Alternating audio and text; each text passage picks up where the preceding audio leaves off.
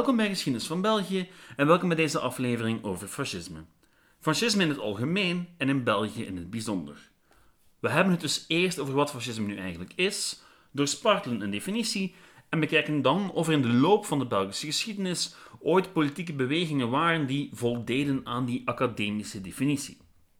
In deze aflevering heb ik het dan ook over Mussolini, Hitler, Vlaams nationalisme, Belgisch nationalisme, het hertogdom Burgondië, mannen in uniform en het belang van de opkomende zon in fascistische propaganda. Dat en meer in deze aflevering van Geschiedenis van België. Laat me van wal steken met volgende mededeling. Dit is geen volledige analyse van het fascisme in België.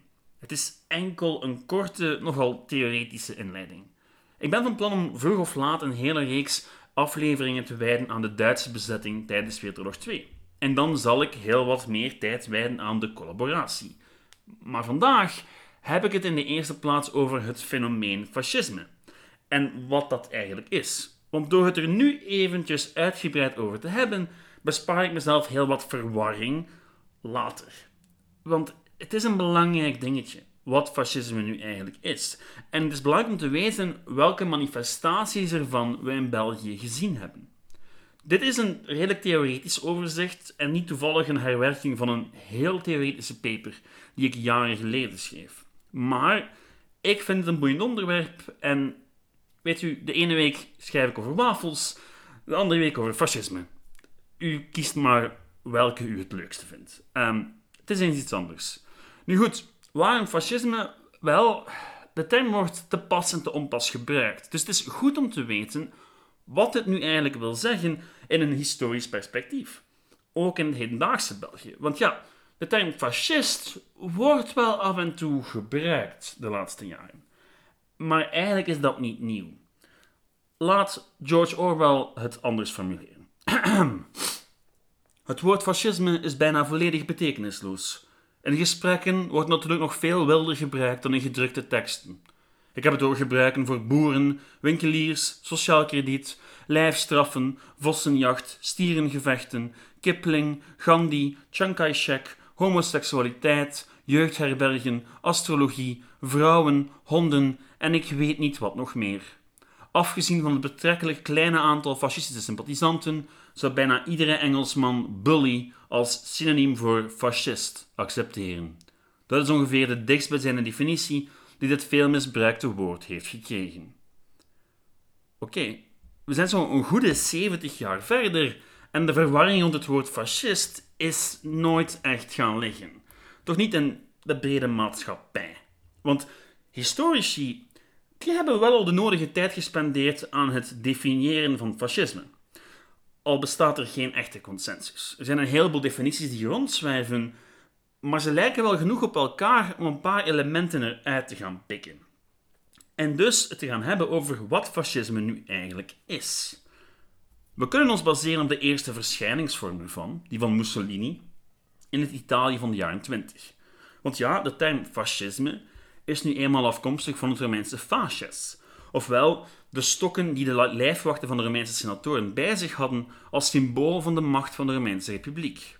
En om indien nodig een menigte uit elkaar te ranselen. En Mussolini en co. lagen nu eenmaal aan de basis van het fascisme. Dus misschien moeten we het gewoon daarbij laten. Of zien we het ietsje breder en hebben we het ook over Hitler, de nazi's en iedereen die er tijdens de Tweede Wereldoorlog mee geassocieerd werden.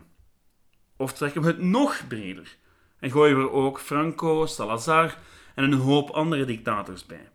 En, en, en wat met modern extreem rechts? Zijn dat dan ook fascisten? De verwarring is ja, breed en de discussie is altijd aan de gang. Toen er in mijn studentenvereniging jaren geleden een conflict was en enkele bestuursleden de deur gewezen werd, viel de term fascist aan de toog. Wat redelijk hilarisch zou zijn, mocht de term niet gebruikt moeten worden voor mensen wiens ideeën haak staan op onze moderne democratie. Want dat is op het einde van de rit fascisme. Ik bedoel, iemand waar je ruzie mee hebt, die is niet per se tegen het concept van democratie en een liberale maatschappij. Dus het probleem met een beladen term als fascisme is dat het soms moeilijk is om er een rationeel gesprek over te hebben. Maar dezelfde elementen komen wel altijd terug binnen het academische. Stanley Payne en Roger Griffin zijn wat mij betreft de twee belangrijkste theoretici over het onderwerp. Nu, om u wat te sparen, ga ik me beperken tot Stanley Payne. Payne die onderscheidt drie basiselementen die het fascisme onderscheiden van andere politieke ideologieën. Nu, ten eerste de fascistische negaties of ontkenningen. Want het fascisme dat is in de eerste plaats tegen een heleboel dingen. Tegen het liberalisme, tegen het communisme, tegen het conservatisme en tegen de democratie. Fascisme zet zich per definitie af tegen de gangbare maatschappelijke consensus. Het moet beter, het moet anders. Want de traditionele politiek, de traditionele ingrediënten, die werken niet meer. En fascisme is dus per definitie revolutionair en belooft een nieuw begin, een andere manier om de dingen te doen.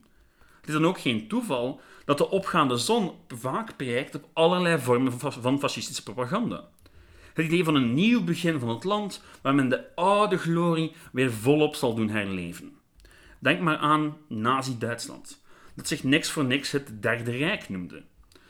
Het ging zich helemaal opnieuw heropbouwen, naar het model van het glorieuze verleden, maar wel helemaal opnieuw. In Italië dweepte men met de oude Romeinen en in België zouden fascisten heel vaak dwepen met de Bourgondiërs. En telkens wou men komaf maken met het corrupte heden en een nieuwe glorietijd inleiden. Wat ons natuurlijk brengt tot de vraag: hoe zou die nieuwe glorietijd er dan uitzien? Wel, dat brengt ons tot punt 2 van Stanley Payne's definitie: fascistische doelstellingen. Oftewel, wat men bereiken wil. Concreet wouden fascisten steeds hetzelfde: een nationalistische dictatuur opzetten met nationalistische doelstellingen.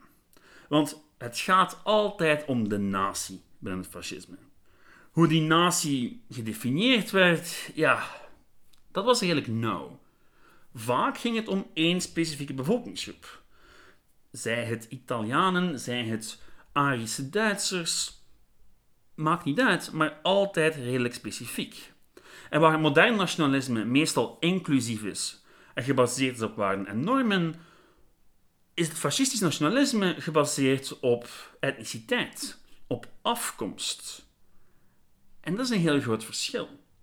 Binnen het modern nationalisme kan je als nieuwkomer adapteren aan de waarden en normen en deel worden van de maatschappij, van de natie. Dat is ook hoe het is met de meeste Vlaamse nationalisten vandaag de dag. Binnen het fascisme is dat wel anders.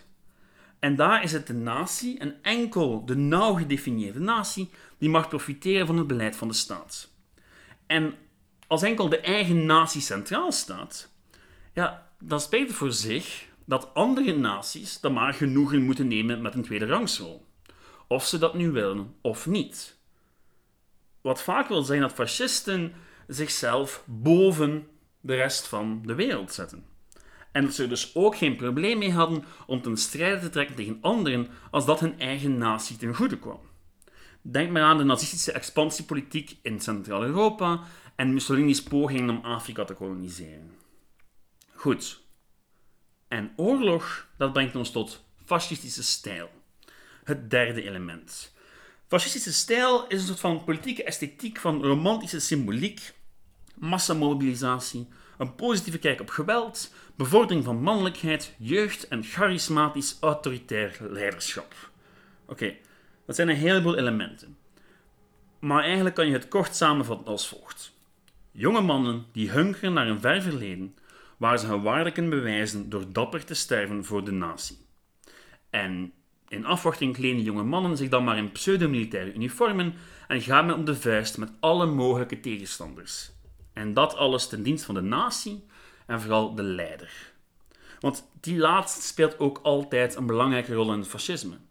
Een fascistische partij is geen traditionele politieke partij. Het is eigenlijk een dictatuur met één duidelijke leidersfiguur. Een leidersfiguur die het volledig voor het zeggen heeft. En ja, daarbij mag je gerust denken aan Hitler en Mussolini. Nu, die fascistische stijl is heel romantisch. Het is heel militair. Het is heel mannelijk. Het heeft het idee van slagen. Dat alles wat men zal doen zal slagen. Dat alles zal lukken. Als men maar het grootste offer wil brengen. En die ideologie ja, die was heel aantrekkelijk in de jaren 20 en 30 van de vorige eeuw. Want hoewel we allemaal gehoord hebben van de Duitse en Italiaanse varianten van het fascisme, had in die periode zowat elk Europees land zijn eigen variant. Noorwegen, Nederland, Engeland, Frankrijk, Spanje, België, Slowakije, Kroatië, allemaal hadden ze één of meer fascistische partijen. Partijen die allemaal aan de bovenstaande definitie voldoen. En het is uiterst boeiend om al die partijen met elkaar te vergelijken. Er zijn historici die daar een carrière op gebouwd hebben. Nu, de vraag waar men vaak op focust is: waarom kwamen de fascisten in het ene land wel aan de macht en in het andere niet? En dat is een uiterst boeiende vraag, maar niet eentje die we vandaag gaan bespreken. Vandaag hebben we het over het hoe en het waarom van Belgisch fascisme. En na deze korte theoretische inleiding ga ik over tot de Belgische casus. Ik ga het hebben over het verleden, niet over hedendaagse organisaties in de Belgische politiek die al dan niet fascistisch zijn. Al heb ik op het einde van de rit misschien wel een zinnetje over voor een zekere Dries en een zekere Vlaams-nationalistische partij. Goed, maar beginnen doen we dus in de jaren 20 en 30 van de 20e eeuw met een economie die zich maar moeizaam hersteld heeft van de Eerste Wereldoorlog, eind jaren 20 een nieuwe klap krijgt en een democratie die nog heel erg zoekende is. Waarom is die zoekende? Wel, eigenlijk is die democratie gloednieuw. Want ja, België mocht dan wel opgericht zijn als een democratische staat. Algemeen mannelijk stemrecht kwam er pas in 1919. Het gevolg was dat in de jaren 20 er een groot nieuw kiespubliek was en een heleboel partijen die daarop in probeerden te spelen. Die drie grote traditionele partijen natuurlijk, katholieken, socialisten en liberalen, maar ook enkele relatieve nieuwkomers, zoals de communisten en jawel, fascisten. Zij het in ja, verschillende vermommingen. Nu, die fascisten en communisten maakten vooral gebruik van de chaos in de Belgische politiek in die periode. Want de ene regering volgde de andere op, er was heel wat werkeloosheid en heel wat mensen hadden dus het gevoel dat het systeem niet langer in hun voordeel werkte. Aan beide kanten van de taalgrens. Dus ging men aan beide kanten van de taalgrens op zoek naar alternatieven. Sommigen kwamen uit bij de Communistische Partij, anderen bij drie partijen die je als fascistisch bestempelen kan. Al veranderden hun doelstellingen en hun aard wel wat doorheen de jaren. Geen enkele van die partijen begon echt als zuiver fascistisch. Ze vervelden. En voor alle drie eigenlijk werden ze pas volledig fascistisch tijdens de Duitse bezetting. Tijdens die bezetting vervelden ze naar het Duits model, tot ze, in twee gevallen, uiteindelijk opgingen in het Duitse apparaat. Maar ze begonnen wel als onafhankelijke politieke partij met eigen ideeën. Laten we beginnen met de minst bekende, maar waarschijnlijk ook de meest fascistische. Het Verdinazo. Verdi wat? Verdinazo. Oftewel, het verbond van Dietsche Nationaal Solidaristen. Dat nationaal solidaristisch aspect dat doet u waarschijnlijk al denken aan de NSDAP, de Nationaal Socialistische Arbeiderspartij, de partij van Hitler. Nu, het doel van Ferdinazo was een corporatieve samenleving onder leiding van de Belgische koning. Een soort van dictatuur dus, waarbij de koning vooral een staatshoofd zou zijn, maar de eigenlijke leiding van de maatschappij aan de partij zou toekomen. Nu, die partij was heel erg tegen democratie. Ze was zelfs zo sterk tegen de, tegen de democratie dat ze nooit deelnam aan verkiezingen. Het glorieuze verleden waar de partij naar terug was, was dat van de Bourgondiërs. Met Nederland en Luxemburg erbij, als het even kon. Om die doelen te bereiken werd er duchtig gepropageerd tegen de vijanden van de beweging: communisten, liberalen, kapitalisten en Joden. Er was een eigen militie die regelmatig de straat optrok om te knokken met andersgezinden en het dragen van een uniform was de regel binnen de partij. En mocht je er nog aan twijfelen of de partij voldeed aan de definitie van Stanley Payne, oh ja, er was een duidelijke leider die het helemaal voor het zeggen had en aanbeden werd door zijn volgers. Joris van Severen. Die man werd zelfs lang na zijn dood in de jaren 50 en 60 nog aanbeden door oud-partizanen. Er is nog altijd een vereniging die zijn archief beheert. Uh, Joris van Severen is een legende binnen een heel beperkte kring. Nu, waarom hebt u waarschijnlijk nog nooit van Joris van Severen gehoord? Wel, hij werd in 1940 geëxecuteerd. Uit angst dat hij zou collaboreren met de binnenvallende Duitsers. En ja, eens van Severen was gesneuveld, raakte de partij verdeeld. En het hele boeiende aan Ferdinando was dat, hoewel ze heel fascistisch was, was ze ook heel nationalistisch. Dus voor sommigen was het makkelijk om vanwege het fascistische gedachtegoed van de nazi's zich gewoon aan te sluiten bij de collaboratie. Voor anderen was dat onmogelijk, omdat ze in de eerste plaats Belgisch nationalisten waren. Dus een deel van het Ferdinando zou in het verzet belanden. Heel boeiende partij. Nu goed, het Ferdinando was redelijk duidelijk fascistisch. Eigenlijk al bijna van in het begin. Onze tweede partij is Rex. En Rex is toch een net iets anders verhaal, al zouden ze, zeker tijdens de Tweede Wereldoorlog, een heel harde bocht maken richting fascisme. Rex begon als een rechtsconservatieve partij, die na enkele nederlagen bij verkiezingen zich tegen de democratie keerde. Nu, pas tijdens de Duitse bezetting werd de partij echt volledig fascistisch, maar toen gingen ze echt wel heel ver. In die mate zelf dat grote leider Leon de Grel in de SS ging en actief recruteerde voor het Waalse legioen. Een legioen waar hij zelf mee ten strijde trok aan het Oostfront. Nu, de avonturen van de Grel en Co. aan het Oostfront verdienen echt een eigen aflevering. Maar goed, Rijks was in de eerste plaats Franstalig en had heel wat aanhangers in Wallonië en Brussel. En ja, de aantrekkingskracht van Rijks was opnieuw dat alternatief. En natuurlijk ook het dwepen met het glorieuze verleden. In het geval van Rex, de Bourgondiërs. Tegelijkertijd droegen ze heel veel uniformen, dweepten ze openlijk met militarisme en hadden zij dit hele grootschalige idee. Heel vergelijkbaar met Ferdinando. Tijdens de Tweede Wereldoorlog zou Rex op grote schaal collaboreren. Heel wat posities in de lokale overheden werden ingevuld door Rex en bij gevolg zou de partij keihard de confrontatie aangaan met het verzet. Wat de partij een heel zwarte reputatie zou opleveren in het zuiden van het land. Nu, Rex was nummer 2, nu gaan we het hebben over nummer 3. Nummer 3 was het VNV, of Vlaams Nationaal Verbond, opgericht in 1933 door Staf de Klerk. Het VNV begon eigenlijk als een brede Vlaams-nationalistische partij. Het Vlaams nationalisme was lange tijd zeer gedecentraliseerd en lokaal geweest, en de Klerk slaagde erin om heel wat verschillende groepen samen te krijgen. Nu, die partij begon na een paar jaar te vervellen. Te vervellen naar iets anders. De stichtingsakte was nog een compromis tussen radicaal rechts en gematigden, maar naarmate de jaren vorderden, begonnen de radicale ideeën te overheersen. En werd het verschil tussen Verdinazo en het VNV steeds kleiner. Men had over de afschaffing van politieke partijen, de afschaffing van de vakbonden, de vervanging van het parlement en zo door. En de klerk organiseerde de partij dan ook als een autoritair systeem met zichzelf als autoritaire leider en een raad van leiding. Nu, het grote verschil tussen VNV en Verdinazo is dat het VNV wel deelnam aan verkiezingen.